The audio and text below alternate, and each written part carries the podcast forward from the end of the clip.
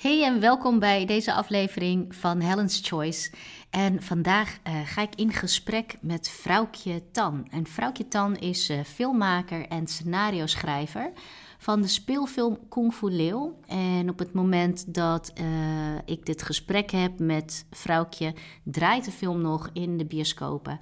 En het is een film die gaat over hoe moeilijk het soms kan zijn om als aanstormend volwassene de regie over je eigen leven te nemen en hoe Kung Fu je kan helpen bij jouw persoonlijke groei.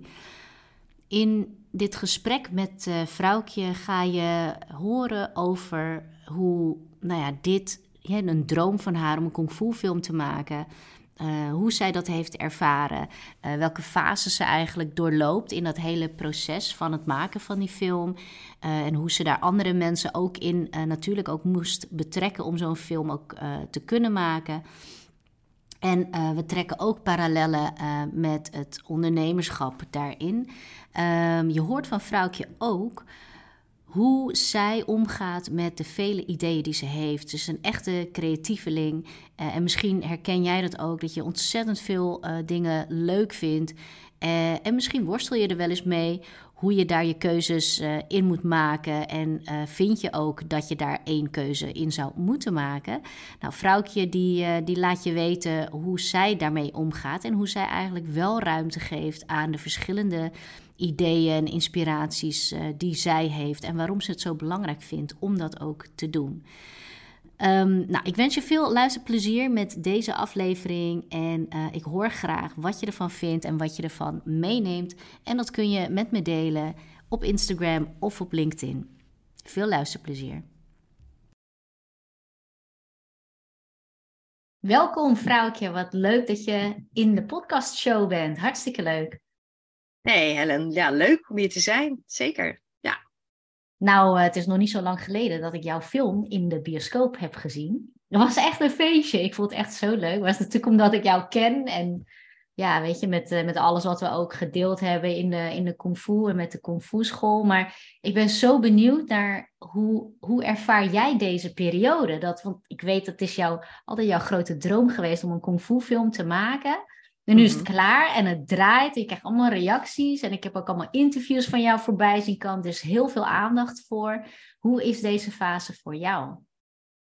Uh, ja, hè, die is nogal tweeledig, moet ik eerlijk zeggen. Want uh, uh, het, het, kindje, het is klaar. Ik heb het gemaakt. Het is gebaard. Het moet zijn eigen, het moet zijn eigen gang gaan nu. En ik, ik, ik moet mijn handen ervan aftrekken. Ik, het is, hè, ik, ik, kan de, ik moet de controle loslaten. En uh, dat is ook heel fijn aan de ene kant, want ik kan weer aan nieuwe dingen gaan beginnen. Maar ik, ik merk dat ik ook wel, dan heb je ook wel een beetje uh, die kater die je voelt. Zo van wat nu, of het gaat niet helemaal zoals ik wil, of het is dit of dat. Weet je wel, er is natuurlijk altijd van alles nog op aan te merken. En dat zal ook altijd zo blijven. Maar ik had me bij deze wel voorgenomen dat ik niet in het bekende zwarte gat wilde vallen. Dus dat. Uh... Ja, heb je dat eerder wel eens meegemaakt? Dat je dan in een zwart gat viel? Na... Ja, zeker. Ja, ja, ja, ja. En dat hoort ook. En, en, en ik kon daar ook eigenlijk heel veel. Um, ik kon daar ook vrede mee uh, krijgen. Doordat ooit een. Um, het was een soort therapeut, maar het was een therapeut voor. Uh, voor, voor, professionele scenario schrijvers. Dus het ging niet per se over je eigen shit, zeg maar. Maar het ging meer over van hoe je in het leven staat. En toen zei zij van ja, je hebt gewoon de seizoenen van het leven. En het is lente, zomer, herfst en winter. En het zwarte gat, zoals je dat ervaart als je iets gemaakt en gecreëerd hebt, dat is de winter. En je hebt de winter nodig om het weer lente te laten worden. Weet je, wel? je kan niet gewoon doorgaan. Toen dacht ik, oh ja, daar zit wel echt wat in. Je mag je rust pakken, je mag het doen, weet je wel. Het is niet... Weet je, en, en, en dan zit ik nog in die adrenaline. Van, ja, maar ik moet door. Weet je, want dadelijk vergeet iedereen alles en dan heb ik niks. Weet je wel, dat je gewoon in dat soort, ja, ja, ja, dat soort clichés gaat praten. En, en dan denk ik, ja, nee, maar het is ook goed om pas op de plaats te maken van wat wil ik ook weer en hoe kan ik nu verder. En, en dus dat, dat, dat is uiteindelijk heel, heel goed. En ik ben natuurlijk heel blij dat echt werkelijk alle mensen die naar de film zijn geweest en daar wat over zeggen, en, of, die, die zijn ook super positief. En als ik dan ga kijken wat is dan zeg maar wat minder goed, is dat de film niet door iedereen gevonden gaat worden, omdat die toch kennelijk um, een, een moeilijk uh, te peilen film is. In de zin van dat het gaat over uh, jongeren die, die aan kung fu doen. Terwijl het niet echt een young adult film is. Het is toch wel meer voor kinderen van een jaartje van 9 tot 12. Daar is die in ieder geval in ge, ingezet. Maar eigenlijk is die ook heel erg leuk voor volwassenen. En daarin merk ik dat mensen, daarin is die, daar is die niet op getarget, zeg maar. En ik, ik, las bijvoorbeeld een stukje van, er zijn mensen die dan uh, zo'n cinefilmpas hebben. En die gaan dan vijf films in het weekend zien, uh, op een zaterdag of zo. En dan mhm. hadden ze Kung Fu Leeuw erbij gedaan. Dus, en dan zeggen ze bij, ja, en Kung Fu Leeuw, dat was wel echt een verrassing dat wij dat ook leuk vonden. Dus dat, dat is dan wel, vind ik dan wel echt een, een compliment. Maar dan is het tegelijkertijd ook heel moeilijk om te kijken van ja, waarom of hoe kan je nou zorgen dat iedereen uh, naar de bioscoop gaat? Terwijl aan de andere kant, daar zat ik nu vandaag naar te luisteren, is, is dat gewoon ook niet aan mij. Weet je, ik heb iets gecreëerd wat ik heel graag wilde creëren. Mm. En uh, ik, ik kan niet voor jou beslissen of jij daar naartoe moet of niet. En ik kan ook niet helemaal beslissen of dat een succes wordt of niet. En daar hangt eigenlijk niet mijn persoon, daar mag mijn persoonlijke succes niet helemaal van afhangen. En dat moet ik mezelf echt toespreken hoor, omdat, omdat tot zover was ik nog niet helemaal.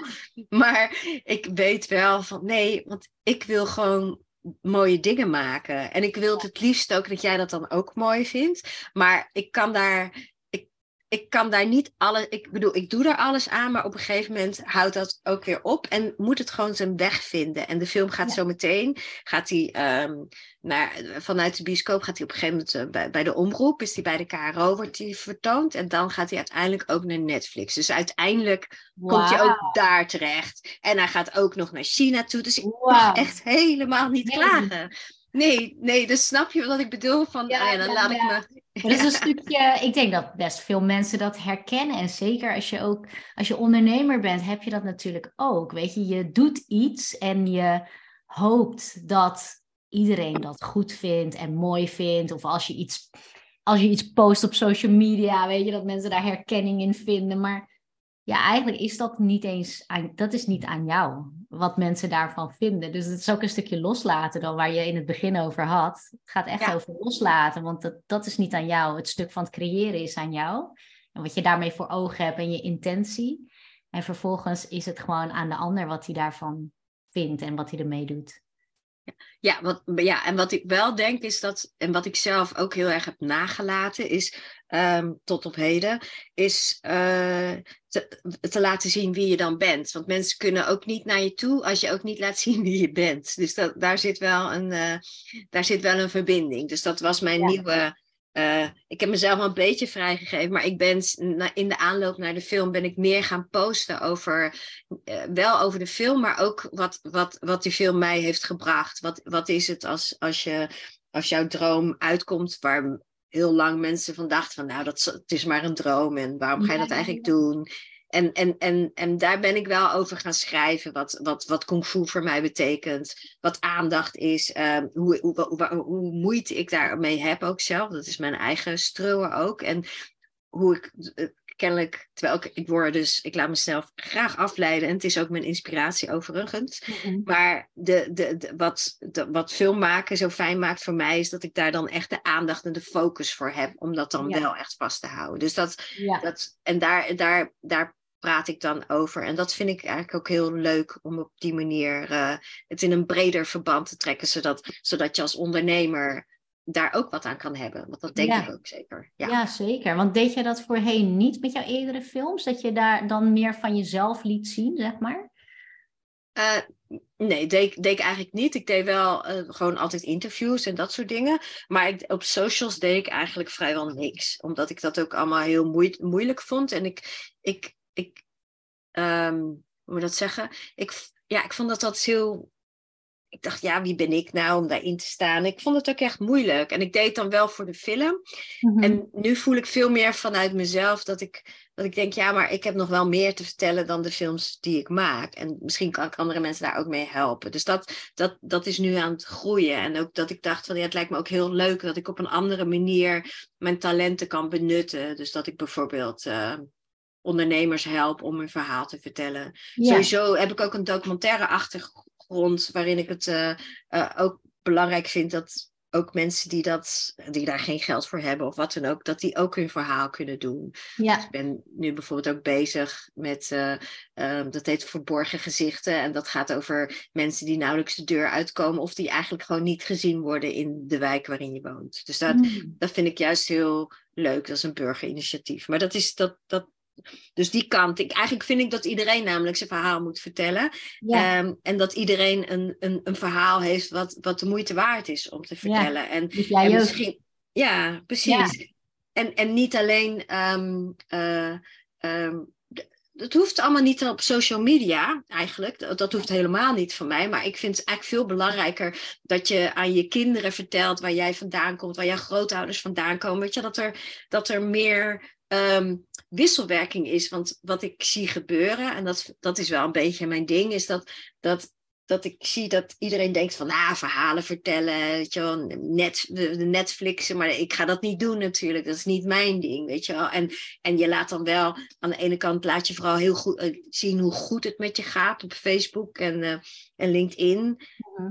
Terwijl je uh, eigenlijk, en, iedereen, en tegelijkertijd ben je niet echt jouw verhaal aan het vertellen. En dat, en dat vind ik jammer. En ook niet eens aan je eigen kinderen. Want dat, dat het is, iedereen zit zo op zijn eigen schermpje nu te kijken. Vroeger ja. kreeg je nog met z'n allen naar de tv. En daarvoor luisterden we allemaal naar de radio. En daarvoor zaten we allemaal om het kampvuur. En daar werden wel echt verhalen verteld. En, en het, we zijn er zo van afgegaan dat je dat, je, dat, je dat denkt dat andere mensen dat kunnen en dat jij daarnaar moet luisteren of dat jij dat moet lezen. Eh, lezen. Maar het is, het is zo belangrijk dat je juist aan de mensen van wie je houdt eigenlijk vertelt waar je vandaan komt en waar je voor staat. En ik heb het idee dat daar die kloof tussen die generaties steeds groter aan het worden is. En dat, dat vind ik jammer. Daar wil ik me ook heel graag voor inzetten. Ja. ja. Want waarom is verhalen vertellen zo belangrijk? Waarom vind jij het zo belangrijk dat mensen het blijven delen? Um, dat is verbinding. In de eerste, daarmee verbind je jezelf tot de ander. Het is de relatie die je aangaat. En, en je kan wel zeggen van uh, je mag niet dit of je mag niet dat. Weet je, en dan zit je in gebieden uh, en dan ben je iemand aan het verbieden of aan het gebieden om iets te doen. Of je bent vooral informatie aan het verstrekken. Maar op een moment dat je eigenlijk vertelt van um, tegen je kind van je kan beter maar goed naar je voeten kijken als je in de boom klimt. Want uh, als je dat niet doet, dan uh, weet ik veel, dan kan er dit en dat. Want ik was vroeger zo en zo. Dan weet dat kind gelijk waarom dingen zijn. Terwijl als je alleen maar zegt, ik, ik, ik herken dat nou van mezelf. Dan zeg ik, wees voorzichtig, wees voorzichtig. En dan denk je, ja, wat is dat nou weer voor leeg? Wees voorzichtig. Wat is wees voorzichtig? Dus dan, en dan denken kinderen, ja, ik moet dus voorzichtig zijn. Maar wat is voorzichtig zijn dan? Nee, dan moet je, je moet vertellen wat dat dan betekent. En, en dus het is, het is een vorm van communicatie. Het, ja. het, het, nee, het, is gewoon communicatie. Ja, en, je leert ook meer begrip tussen mensen, denk ik. Als je meer vertelt over jouw, ja. Ja, jouw achtergrond of waarom je iets zegt of waarom je iets vindt. Ja, het is ook wetenschappelijk bewezen. Hè? Dus dat als je, als je gewoon alleen maar informatie aan het verstrekken bent, dan, dan gaat het. Ik weet niet of jij dat weet op school, maar bij mij ging het dan het ene oor in, het andere oor uit. En er is altijd een leraar, een geschiedenisleraar meestal, en die maakt er gewoon een verhaal van. En dan onthoud je alles gewoon veel beter. Dus het is ook echt een, een haakje waardoor mensen je beter zullen onthouden en, en beter hun, de informatie zullen vasthouden. Dus, dat, dus het heeft ook nog echt een, een, een, een, eh, een wetenschappelijke uh, verklaring daarvoor. Ja. ja. Ja, maar voor jou persoonlijk dus heel belangrijk om daarin jouw bijdrage ook te doen. Hè? Door eigenlijk ook andere mensen ook te gunnen dat zij hun verhaal doen. Maar ik heb die post van jou ook voorbij zien komen, ook op LinkedIn en zo. En ik vond dat juist hele mooie berichten van jou om te lezen. Hè? Waarom, ja, waarom dit een droom van jou was om, om te doen. En dat je het ook mm. opdraagt aan alle ja, alle sifu's, alle leraren die we hebben, die zo'n invloed, een positieve invloed hebben gehad op ons leven. Kun je aan de luisteraar een beetje vertellen over wat, wat kung fu eigenlijk is? Hè? Dat weet ook niet iedereen. Wat is kung fu en wat betekent het voor jou? En waarom was het voor jou een droom om daar een film over te maken?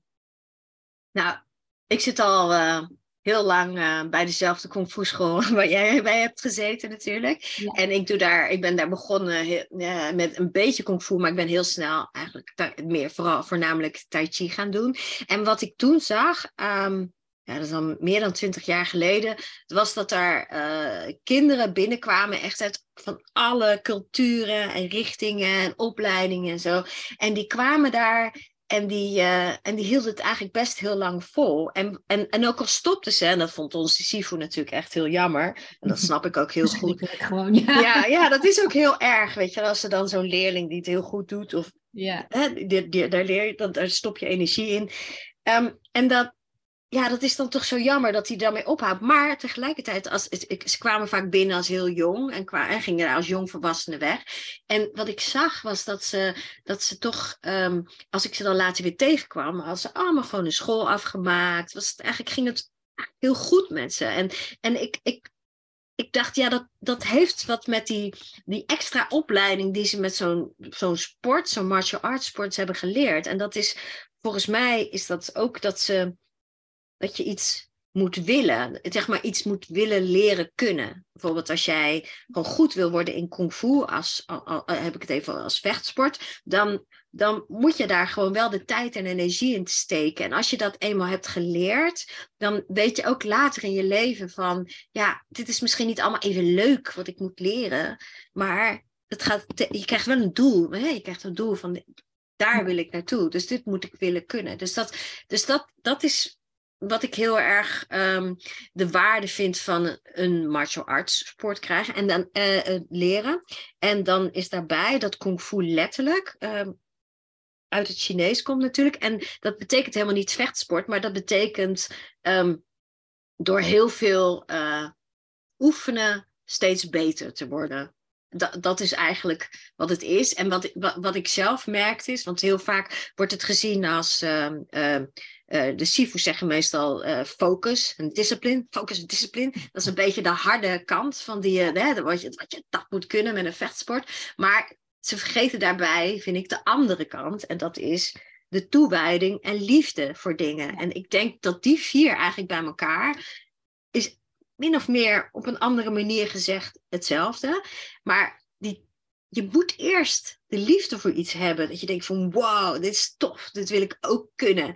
En dat je denkt van ja, ik wil daar mijn tijd en energie in gaan steken. Die beslissing moet je maken. En van daaruit, ja, moet je die aandacht en die, en die focus en die, ja, discipline daarvoor opbrengen. En, dat, en dat vind ik tof, dat je dat kan leren met kung fu. En dat wilde ik eigenlijk, dacht ik ja, dat wil ik laten zien in een, in een film. Dus dat, dat, zo, zo ben ik ertoe gekomen. Ja, ja, want het is wel grappig, want de, de mensen die ik bijvoorbeeld help bij het maken van een carrière die zijn dan op zoek naar hun passie. Nou, passie is voor heel veel mensen best wel ook een beetje een beladen woord. Van ja, maar heb ik er dan wel één? Ga ik er wel één vinden? En dan leg ik het heel vaak uit als van ja, maar het is heel vaak niet eens liefde op het eerste gezicht. Weet je, soms een passie ontstaat heel vaak doordat je je aandacht gaat naar iets wat je leuk of interessant vindt. En dat je ook toegewijd bent aan dat ene ding wat je zo leuk vindt. Want pas als die toewijding daarin zit en een commitment om daar gewoon je aandacht aan te besteden en je energie in te stoppen, dan kan dat uitbloeien tot een passie. En eigenlijk toen je die vertaling gaf van, van kung fu, ik zie het ook echt dat, dat kung fu voor mij is het een passie, maar het gaat voor mij ook heel erg over toewijding. Een toewijding aan iets wat je gewoon graag je, je aandacht en energie instopt. Met gewoon volle focus ook en volle aandacht. Ja. Ja, ja, dat, ja precies. En daar, ik, ik zat heel lang te denken ook van wat, wat, is nou het belangrijkste woord? Wat, hè, dus het is, maar ik dacht toewijding is net iets meer dan aandacht. Ja, toch? Zeker. Ja, nee, absoluut. Ja, weet je, dat is gewoon. Ik weet nog hoe. Uh, ik, had het jarenlang al gedaan. En op een gegeven moment. Ja, ging ik er een beetje naartoe dat ik er misschien mee ging stoppen. Er was al zoveel veranderd en prioriteiten waren al verschoven. En, maar ik had zoveel moeite ermee om dat te stoppen. Uiteindelijk ben ik wel gestopt.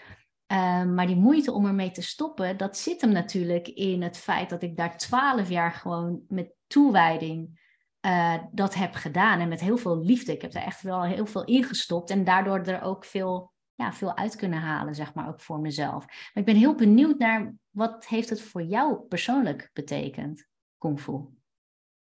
Oh. Uh, ja, heel, um, uh, voor mij ik, want ik doe het, ik, ik, voel, ik ga niet meer zoveel naar de les, dat wil ik wel weer beginnen, maar ik, ga, ik doe wel echt bijna iedere dag een uur aan Tai Chi. Hmm. Ehm, dan ga ik uh, sinds corona, vroeger deed ik het altijd thuis.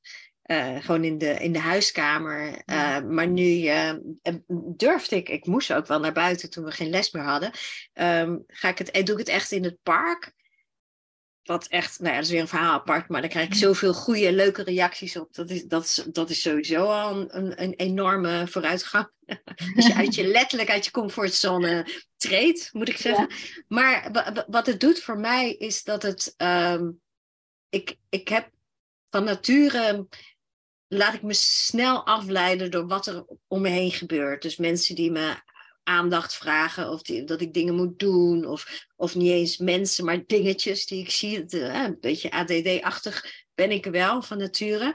En dat is tegelijkertijd ook mijn inspiratie. Dat ik ook veel ideeën kan krijgen. Maar het is ook moeite, heb ik ook echt moeite om mijn aandacht ergens aan te wijden. En, en door die bewegingen te maken, dat is natuurlijk een langzame vorm van kung fu. En de meeste mensen zien het ook helemaal niet als, uh, als vechtsport. Um, het is wat veel mensen in het park, wat je, hè, wat je vaak mensen in het park ziet doen met die langzame vechtbewegingen, dat is dan wat ik doe. En het houdt mij eigenlijk door me zo te concentreren op die beweging, daar word ik echt rustig van. Dus ik word er echt rustig van in mijn hoofd. En daardoor kan ik weer beter naar ja, op een bepaalde manier naar mezelf luisteren. Om, om, hmm. om te weten wat ik doe. Want ik kan soms zo helemaal hoog en alle kanten op gaan met mijn, met mijn gedachten en al die stemmen die ik hoor. En het is echt mijn manier om eigenlijk rustig te worden in mijn hoofd. Ja. En in mijn lichaam, ja.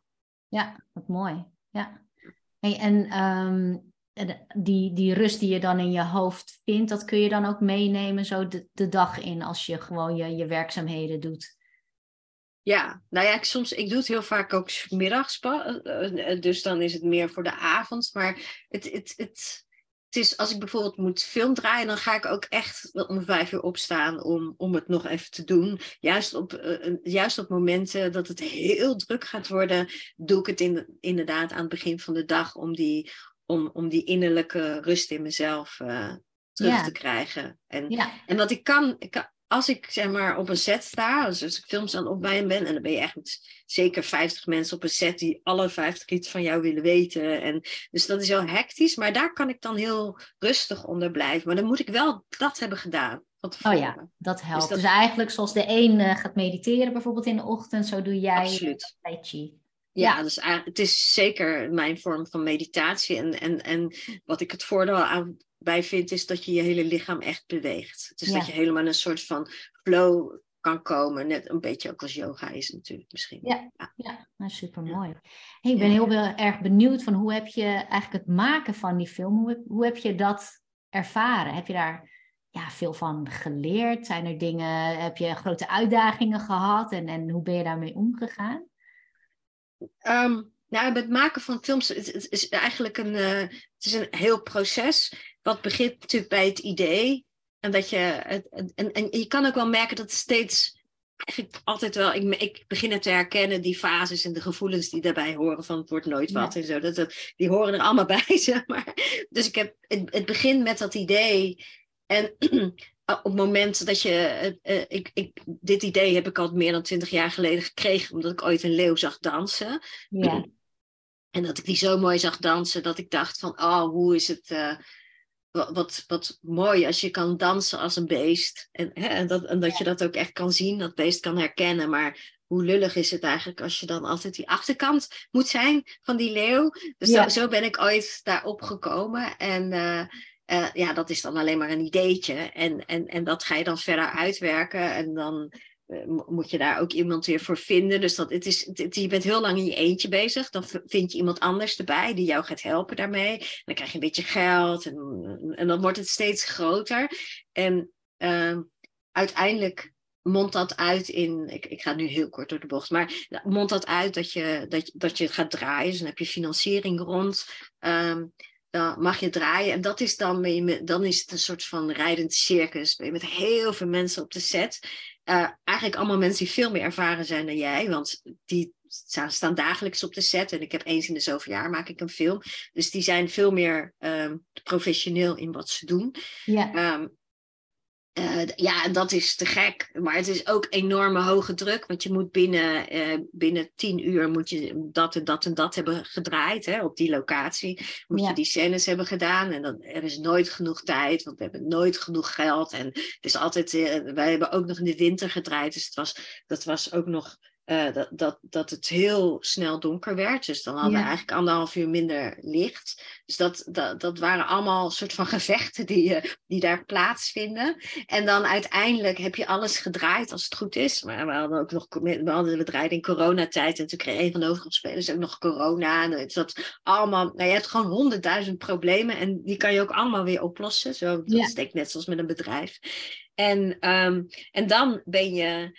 Maar dat is een hele adrenalinevolle eh, periode. En heel leuk en heel liefdevol. En ik, ik, vind, ik word verliefd op iedereen, zeg maar zo. Ja. en, ehm, en dan ben je, ga je de, de, de, de hele stille periode in van de montage. En dan is het, ehm, dan denk je, ah, waarom heb ik dit nou niet gedaan? Waarom heb ik dat nou niet gedaan? Weet je, dan kijk je terug en dan denk je, oh my god, weet je, dat is zo'n... En, en ja, mensen zeggen, het is de, de meest deprimerende periode dan uit, van de film. Want uiteindelijk denk je, ja, ik heb het allemaal helemaal niet goed gedaan.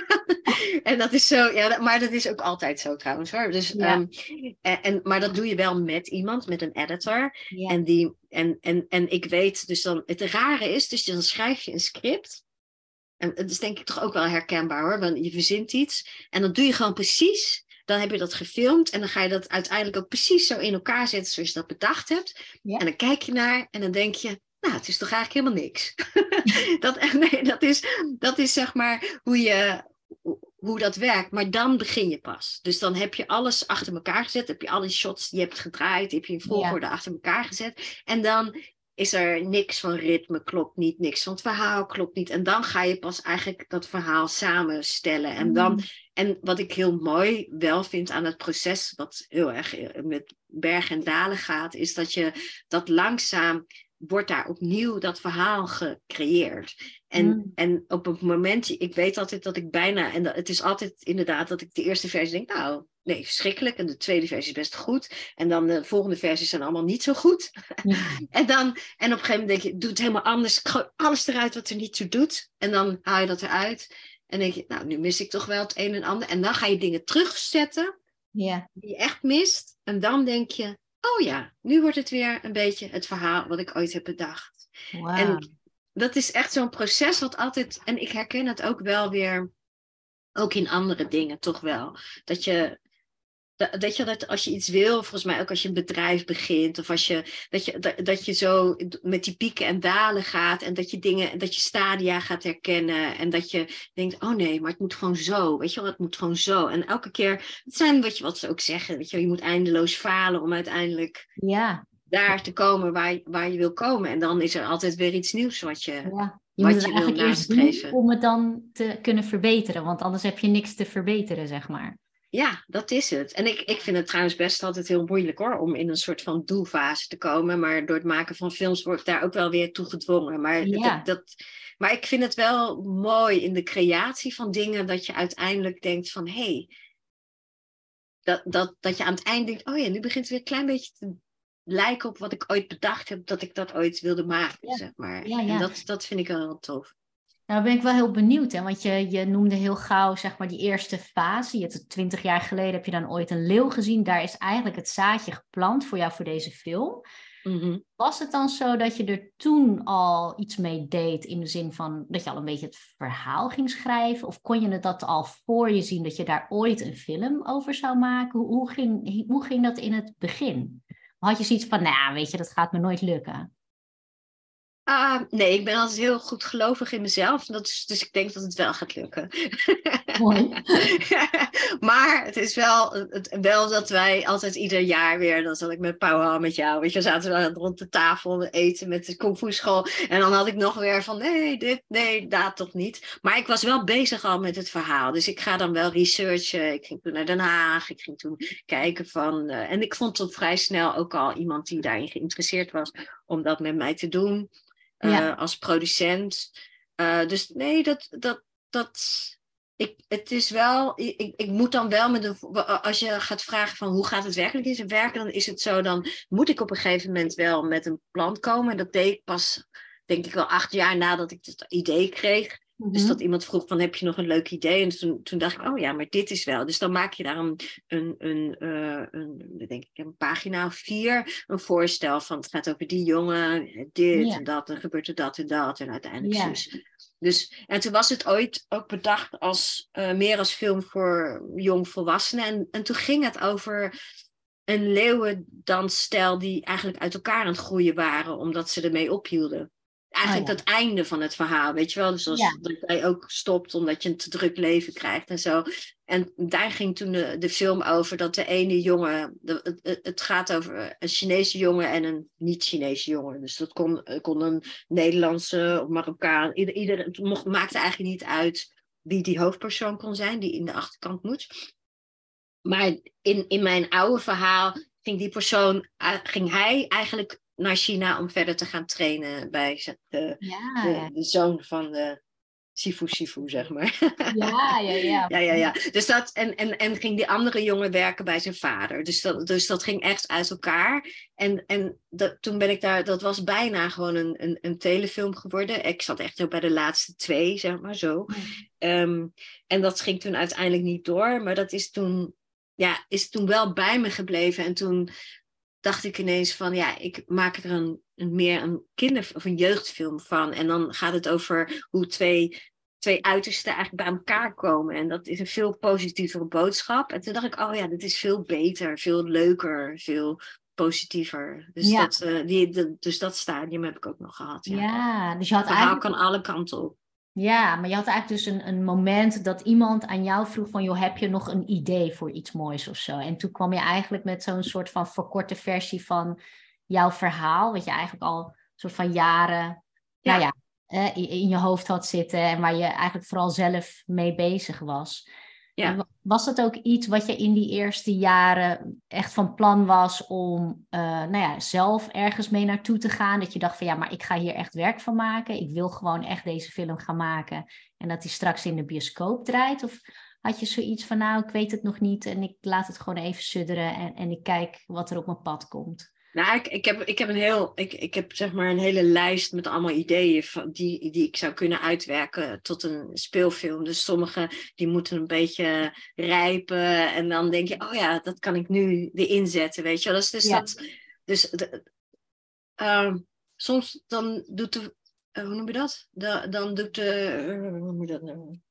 Nou ja, dan, dan, dan gebeurt het gewoon dat je denkt van nu kan ik het, uh, nu, nu, nu, kan ik het gebruiken, zeg maar. Dus dat, zo, zo was het ooit. Um, uh, ja.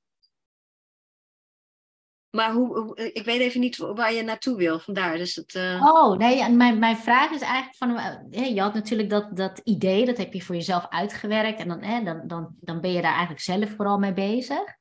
Uh, en mijn vraag was eigenlijk van, uh, was je echt van plan om daar, weet je, had je al voor jezelf besloten, ik ga dit gewoon ergens naartoe brengen en dat het gewoon ook gemaakt kan worden? Of had je zoiets van, nou ja, ik kijk, ik kijk even hoe dat loopt en, en of dat iets kan, kan gaan worden?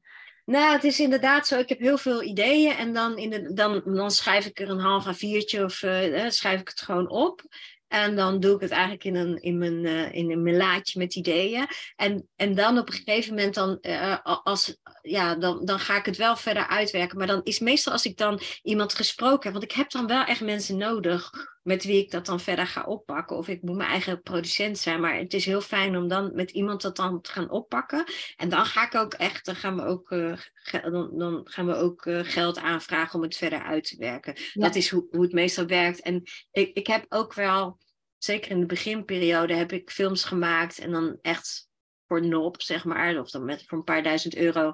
Ehm, vraag je dan je vrienden en zorg je dat er lekker eten is en dan ga je gewoon iets maken. Maar dan kan je ook alleen maar korte films maken. En, en uiteindelijk kan je het niet zo heel veel groter maken, omdat je hebt gewoon andere mensen ook nodig om het wat groter aan te kunnen pakken. Dus, dat, dus hè, dan ga je op een gegeven moment moet je een omroep bij hebben of een streamer nu. En, en, dus dat, ik, ik merk zeg maar door de jaren, vroeger hield ik alles bij me. Dus, hè, dan was ik meer ook omdat ik kunstacademie heb gedaan, dan maakte ik ook gewoon zelf mijn filmpjes en, ja, en, en dan ging ik, dan was het dat eigenlijk. En dan, ja.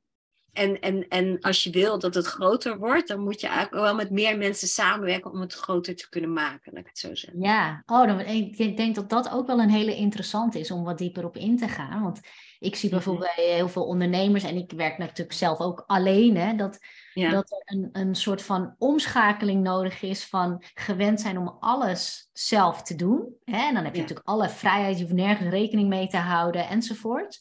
Ja. Maar op, een, op het moment dat je eigenlijk verder wil groeien, heb je anderen nodig. En ik merk dat soms ja, ondernemers heel gauw geneigd zijn om het dan toch zoveel mogelijk zelf te blijven doen. En, en als ze eenmaal gaan samenwerken, dat ze soms dan ook nog een soort terugtrekkende beweging willen maken. Door eigenlijk te denken van ja, maar ik kan het eigenlijk beter zelf doen. Of dat gaat niet goed, ik kan het zelf maar beter weer uh, terugnemen, want het gaat sneller of is goedkoper enzovoort. Heb jij dat ook gehad in dat proces, toen je echt overging naar eigenlijk ja, meer leunen en vragen aan andere mensen om dingen op te pakken? Um, nou, het mooie is dat als je echt een speel... Eh, je kan eigenlijk... Een speelfilm kan je echt niet in je eentje doen. Dus je kan wel in je eentje kleine, kleine dingetjes maken. Uh, heb ik ook altijd nog steeds behoefte toe om dat te doen.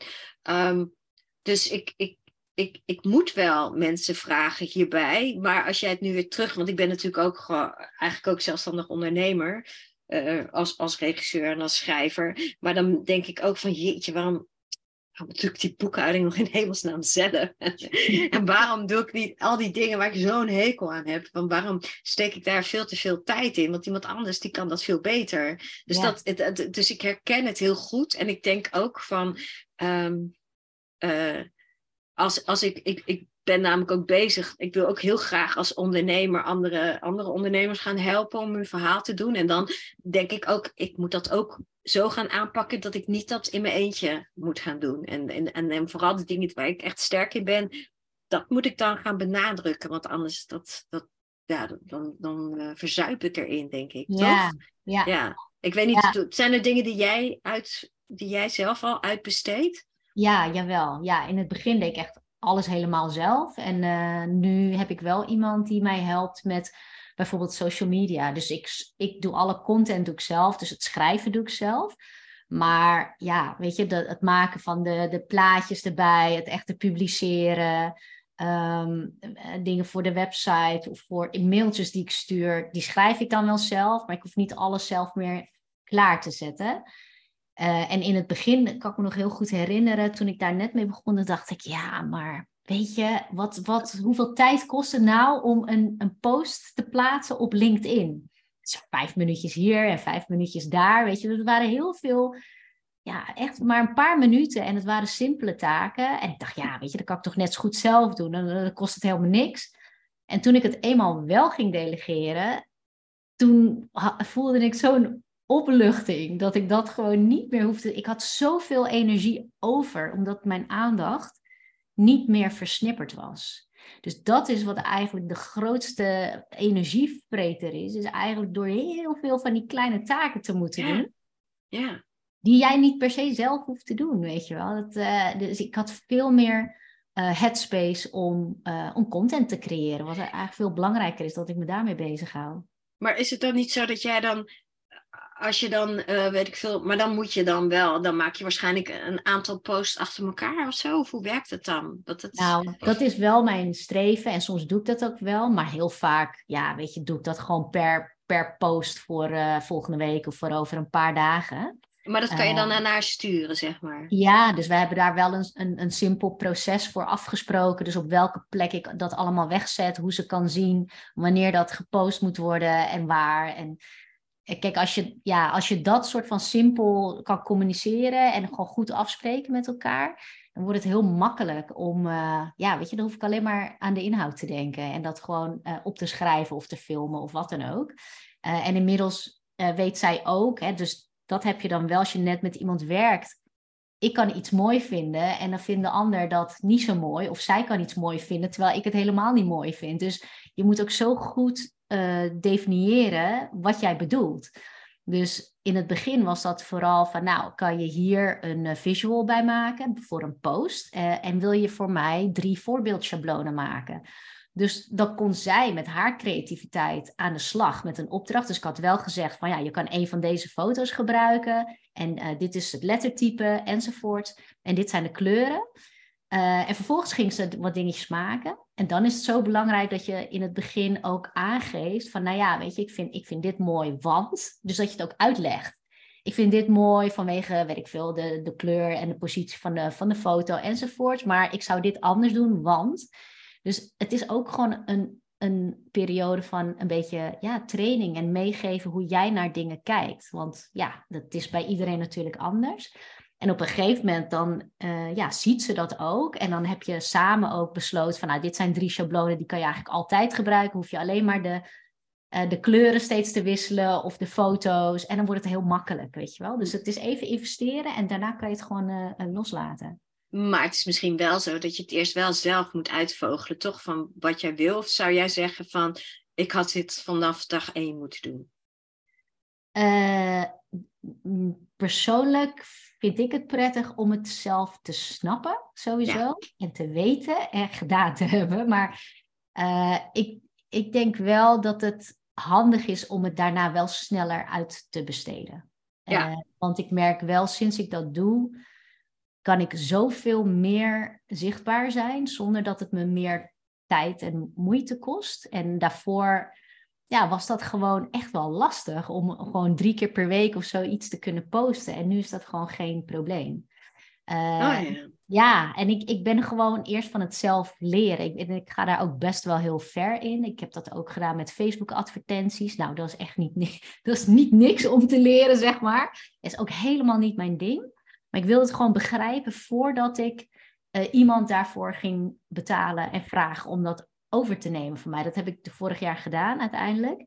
Maar ik ben zo blij dat ik het uh, ook genoeg begrijp om het zelf ook in grote lijnen wel een beetje te kunnen bijhouden. En ook, weet je, daarover goed te kunnen communiceren. Dat ik weet wat ik moet vragen. Dat ik weet wanneer misschien dingetjes niet helemaal goed gaan. Of dus op die manier toch een beetje regie houden zonder dat ik er weer helemaal induik. En daarvoor moest ik het ook gewoon een beetje begrijpen.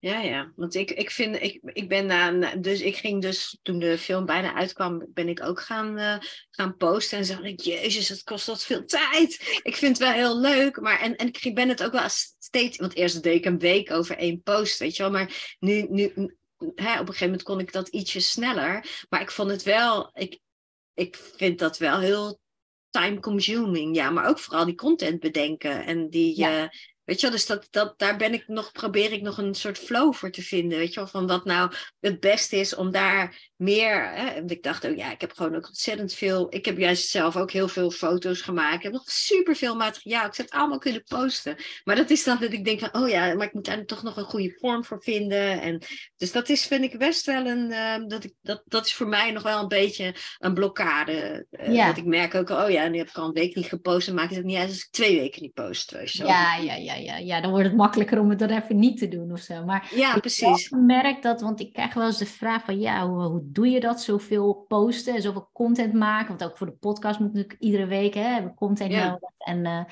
maar ik moet zeggen dat op een gegeven moment dan heb je, heb je het al zo vaak uh, gedaan, dat Kijk, eigenlijk herhaal je natuurlijk steeds een beetje dezelfde boodschap. Alleen met een ander voorbeeld, andere invalshoek en andere. Maar je, je weet inmiddels uh, zo goed te verwoorden wat je doet en voor wie en wat, wat misschien de, ja, weet je, de aandachtspunten zijn voor mensen enzovoorts. Dus die, het, ja, er is zoveel waar, waar je over kunt delen. En het is echt een, een, ja, ik denk ook gewoon een spier die je traint, zeg maar, door het gewoon heel vaak te doen. Wordt het makkelijker en gaat het ook veel sneller. Dus in het begin ik er ook gewoon hartstikke lang over. Maar ik was ook gewoon vooral bang om het te publiceren in het begin. Ja. en, en, dat is dan op een gegeven moment allemaal weg. En dan kan het veel vlotter.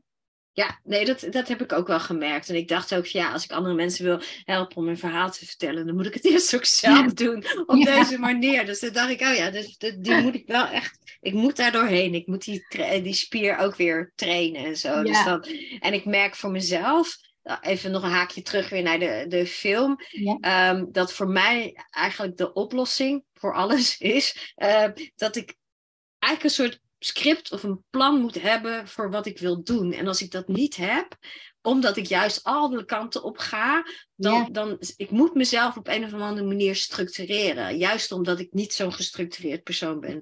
Ja. Uh, kom ik soms met allerlei structuren en mensen denken, wow, wat doe je nou? Maar dat, voor mij helpt dat enorm om, om mezelf wel, zeg maar, richtlijnen te geven. Ja. Dus, eh, jezelf eigen regels op te leggen, zodat je je daar ook aan, aan kan houden.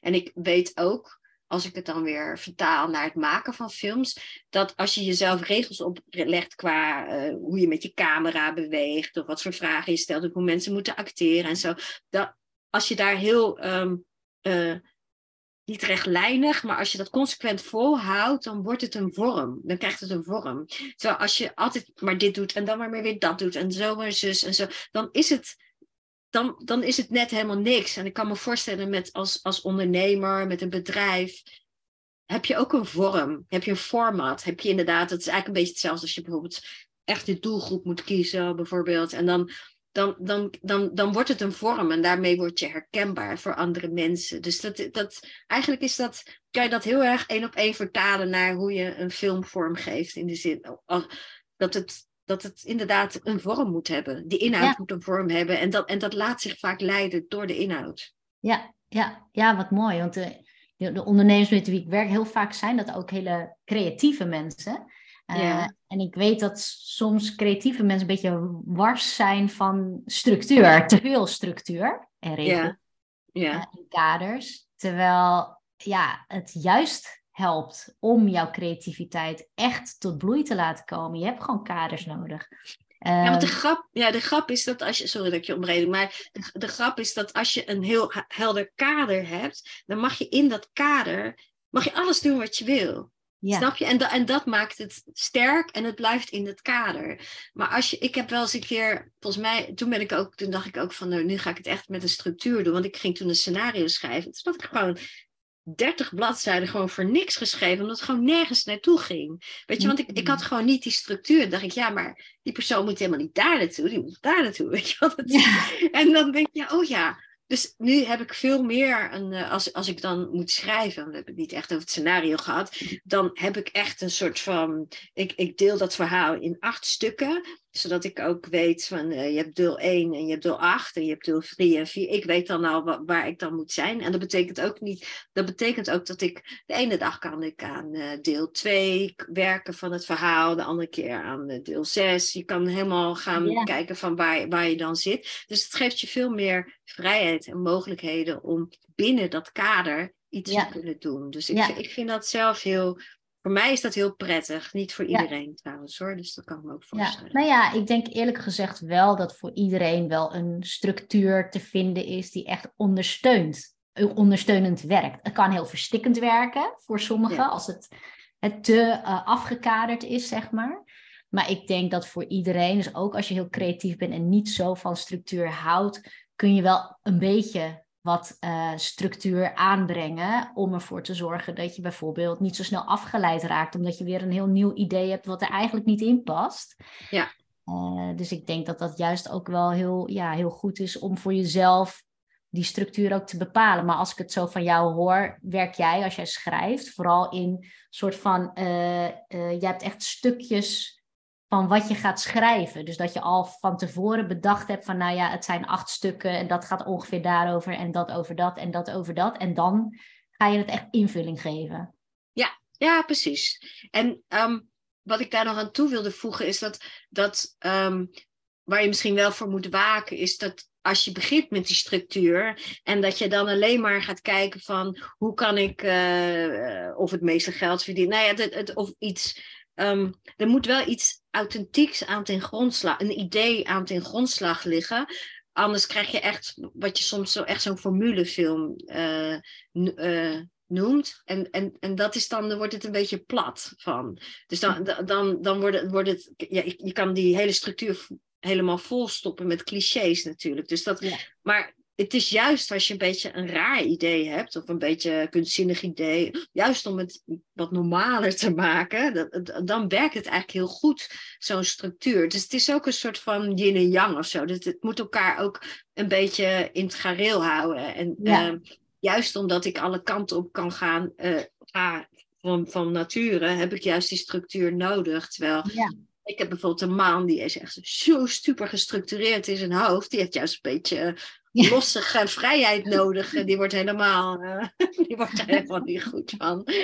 Dus ik weet nog heel goed dat toen, ik, toen we elkaar net kenden, gingen we op vakantie naar Spanje op de motor. En naar Sevilla, dat is helemaal Zuid-Spanje. En toen, toen zei ik, ja, dus we kennen elkaar van flamenco. Dus ik zei, ja, laten we daar dansschoenen gaan kopen. Dat vond ik echt super romantisch om dan zo ver te rijden om daar dan schoenen te gaan kopen. En hij werd toen heel boos op mij, want hij zei van, ja, ik wil helemaal geen doel hebben, ik ben op vakantie. en dit typeert ons zo, omdat hij altijd zo gestructureerd was. Dan ik, ja, maar het is ook een, een doelloos doel, zeg maar, om daar die schoenen, want het maakt niet uit. Maar, dat was, dat, maar dus het is maar van wie je, wie je bent en wat je nodig hebt. Maar ik denk wel dat als je, als je of een bedrijf of een goed verhaal wil schrijven, dan moet daar wel dat, dat authentieke idee aan de grondslag liggen. Ik denk dat dat wel heel belangrijk is. En ook om dat ehm, te zoeken en bij jezelf naar boven te halen. En dat is natuurlijk ook wat jij doet met van wat, wat, what, makes you tick? Weet je, wat, wat, wat is het wat jou interesseert? En het maakt niet uit of dat de, de, de, de kleine gras, allerlei soorten grasprietjes zijn, of de bloemknoppen, of, of, of treinen, of, of whatever, wat jou inspireert om, om, om hè, waar je veel over wil vertellen. En dat is ook wat ik als ik portretten maak van, van mensen, dan, dan ja, ik vind het altijd zo leuk om te horen van waar, wat, wat kan ik van jou leren? Weet je wel, waar weet jij veel van? Wanneer ga jij vol enthousiasme iets aan mij vertellen? Dat vind ik dat vind ik leuk om naar te luisteren. Ja, en ik denk dat jij dat natuurlijk ook doet. Ja, dus wat, eigenlijk wat jij doet met jouw structuur voor jouw filmscript, is dat je zegt dat het, die structuur dient eigenlijk het uh, uitwerken van het idee, maar die is eigenlijk leidend. Hè? Dus het idee van wat jij wil overbrengen met die film, die is leidend. En vervolgens heb je een structuur die jou helpt om dat idee eigenlijk zo goed mogelijk soort van uit te werken. Ja, zeker. Ja, ja. Ja, mooi. Hey, nou eh, had je het net over een laadje vol met uh, ideeën voor allemaal uh, films. zit er alweer een toekomstige film in dat laadje? Waarvan je denkt, nou, dat moet de volgende worden of nog niet? Ja, ja, ja, ja. Ik heb diverse. Ik heb diverse. Ik kan er niet over allemaal praten. Maar ik, ik ben nu bezig inderdaad om. maar, maar dat is een korte termijn filmplan is inderdaad om portretten te maken van mensen die uh, niet veel gezien worden in de wijk. En dat, is, uh, dat heet Verborgen Gezichten. Maar dat is documentair. Tegelijkertijd um, ben ik ook bezig om te kijken of ik Kung Fu Leo ook als serie kan, kan maken. En het lijkt me echt enorm tof als we een jeugdserie kunnen maken waarin Oosterse wijsheid via een kung fu school en de lessen die daar gegeven worden in deze eh, hele afleiding, of hoe noemen we dat, een, deze maatschappij vol tegenstellingen en vol verschillende visies en, en, en partijen, om dat uh, ook vooral hier in Rotterdam uh, te gaan filmen en maken. Dat lijkt me echt super ah, tof als dat lukt. Ja, dus dat er ook, ook gewoon de problemen van alle dag met, uh, gemengd met eigenlijk uh, wijsheden die al duizenden jaren oud zijn. En dat, dat lijkt me echt super tof. Ja. En dan ben ik ook nog bezig met een, uh, maar dat moet ik echt wel gaan uitwerken. Maar dat is een, dat is een, uh, een film waar, um, ik denk dat ik eigenlijk eerst een boek over ga schrijven, denk ik. maar dat is, wordt een soort, um, ik, ik, noem het een soort fight club voor meisjes, maar dan fight club, fight club de film. Um, over meisjes die allemaal zoveel op elkaar lijken. Tenminste, dat vinden mensen om hen heen ervan, eh, dat ze besluiten om met elkaar van plek te verwisselen, omdat niemand het toch door heeft. Oh, wat grappig. Ja, wat leuk. Ja, ik weet niet of, of, of, jij dat kent van vroeger, maar ik, ik echt zo vaak als mensen aan mij hebben gevraagd: ben jij niet die en die? Of ben je niet de zusje van die? Of ben je niet. Of jij lijkt echt enorm veel op iemand die je kent, weet je wel? Ja, dat, ja, ja. En dat was natuurlijk voor van dat er uh, dat ze dan ook een Indisch Chinees meisje kenden. Die, weet je wel, en dan die lijken toch allemaal op elkaar. Zo dus ik dacht, ik vind dat heel leuk om daar, uh, daar nog wat mee te doen. En dat het dan heel erg gaat over je eigen identiteit uh, zoeken en vinden. Dus dat, ja, wat mooi. Je, je, je hebt echt superveel ideeën, hoor ik al. Ja, ja, ja.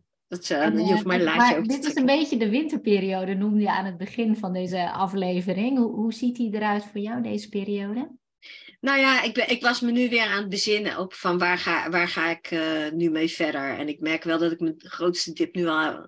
Ik geef mezelf niet meer zoveel tijd daarvoor, maar dat ik de grootste dip nu al heb gehad. En dat ik eigenlijk heel erg veel zin heb ook om, om door te gaan met, uh, met, met nieuwe plannen ook. Dus, ja. En, of dingen die hier een, een vervolg voor zijn.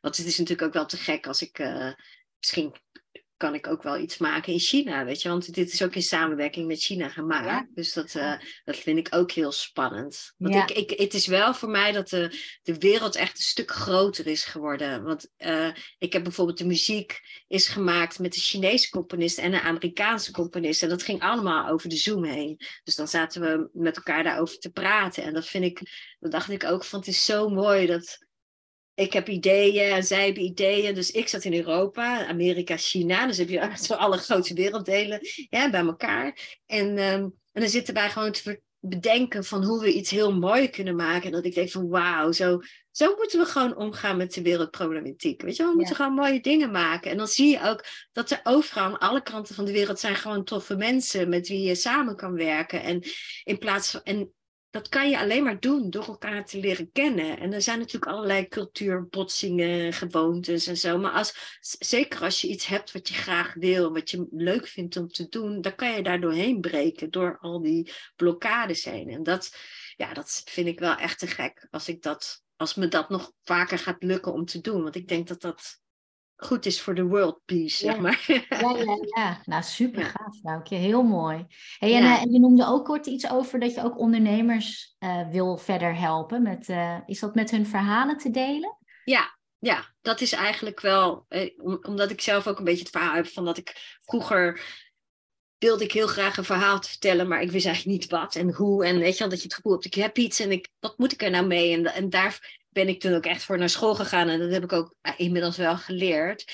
En uh, het lijkt me een heel goed uitgangspunt om eigenlijk die ondernemers die datzelfde gevoel hebben, om die daarbij te helpen om, uh, om hun verhaal te leren vertellen. Ja, dus dat, is dat dan met video of is dat het uitschrijven van het verhaal? Nou, eigenlijk, ik vind, ik, ik vind het aller, allerbelangrijkste is dat je eerst moet weten wat je verhaal is. En dan komt het filmen is eigenlijk in tweede instantie. Want je kan, je kan natuurlijk een pitch maken van jezelf in een minuut. Of in drie minuten, of een half uur, of een uur. Weet je, dat, dat maakt eigenlijk niet zo veel uit. Maar je moet eerst wel weten wat je wil. En dan komen al die, al die vormen, die komen denk ik daar, daarna wel. Dus ik, ik, ik wil werken naar een, uh, ik dacht deze winter moet ik gebruiken om een online programma te gaan maken. Dus dat, dat is ook wat ik, uh, wat ik ga doen. Ja. Dus, uh, en het lijkt mij ook tegelijkertijd dat ik ook weer een nieuw idee, om, om dat even erin te zetten, qua dat ik dacht, het lijkt me ook heel leuk om hele gerenommeerde um,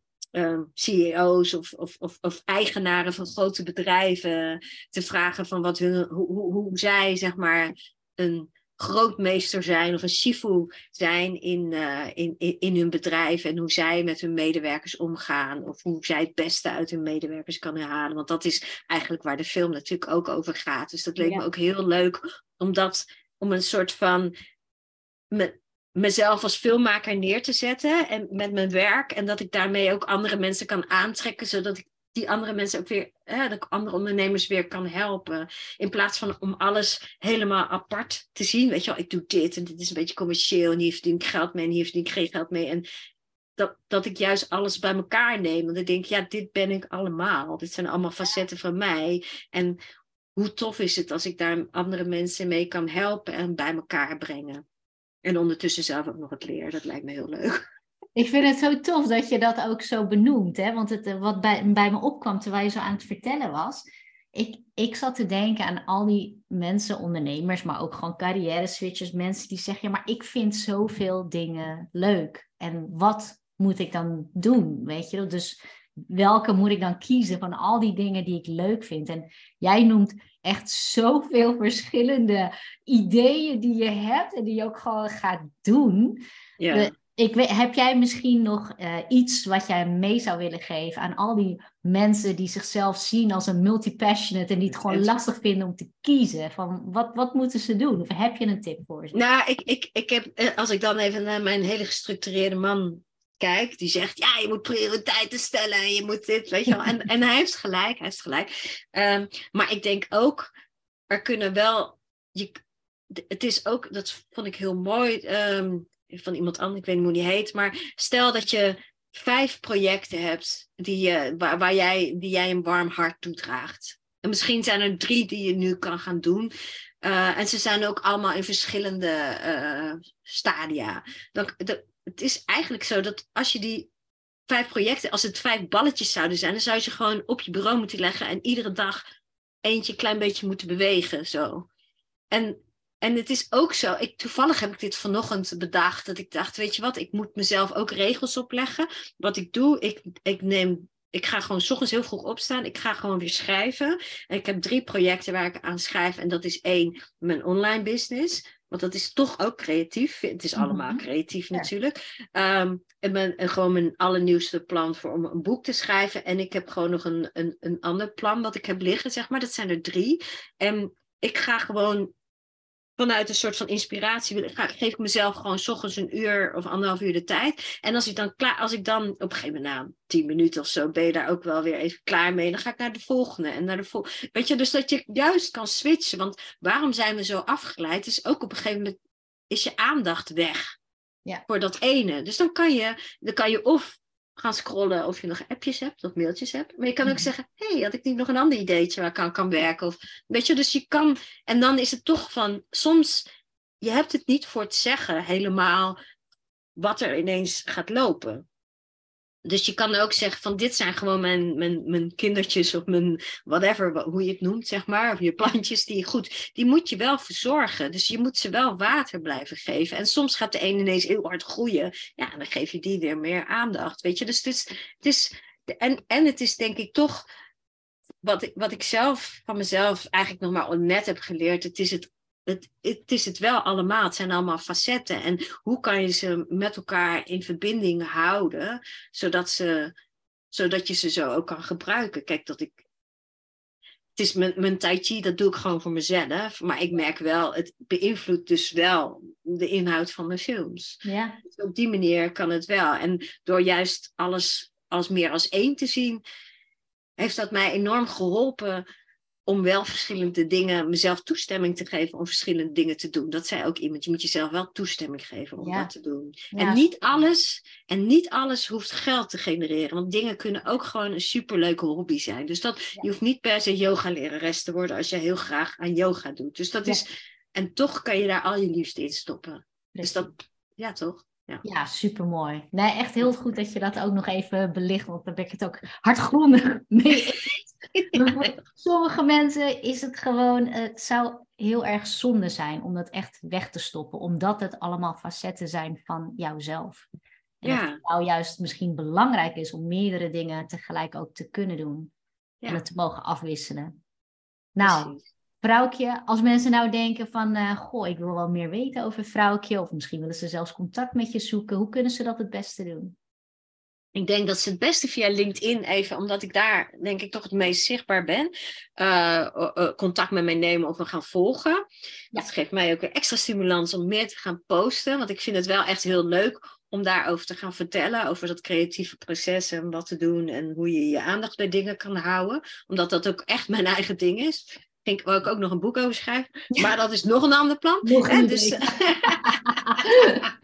laat ik eerst maar eens meer gaan posten. Dus, ehm, en tegelijkertijd, um, oh ja, Vimeo, daar kan je wat van mijn werk zien natuurlijk. Ja. En als je nog even zin hebt om naar de film te gaan, volgens mij draait hij nog wel. Dus dan kan je naar Kung Fu Leo. Dus dat is hoe je me kan vinden. Ja, hartstikke leuk. Ja. je onwijs bedankt voor dit gesprek. Ik vond het echt heel leuk om uh, even met jou het over de film te hebben en over al je ervaringen en uh, ideeën.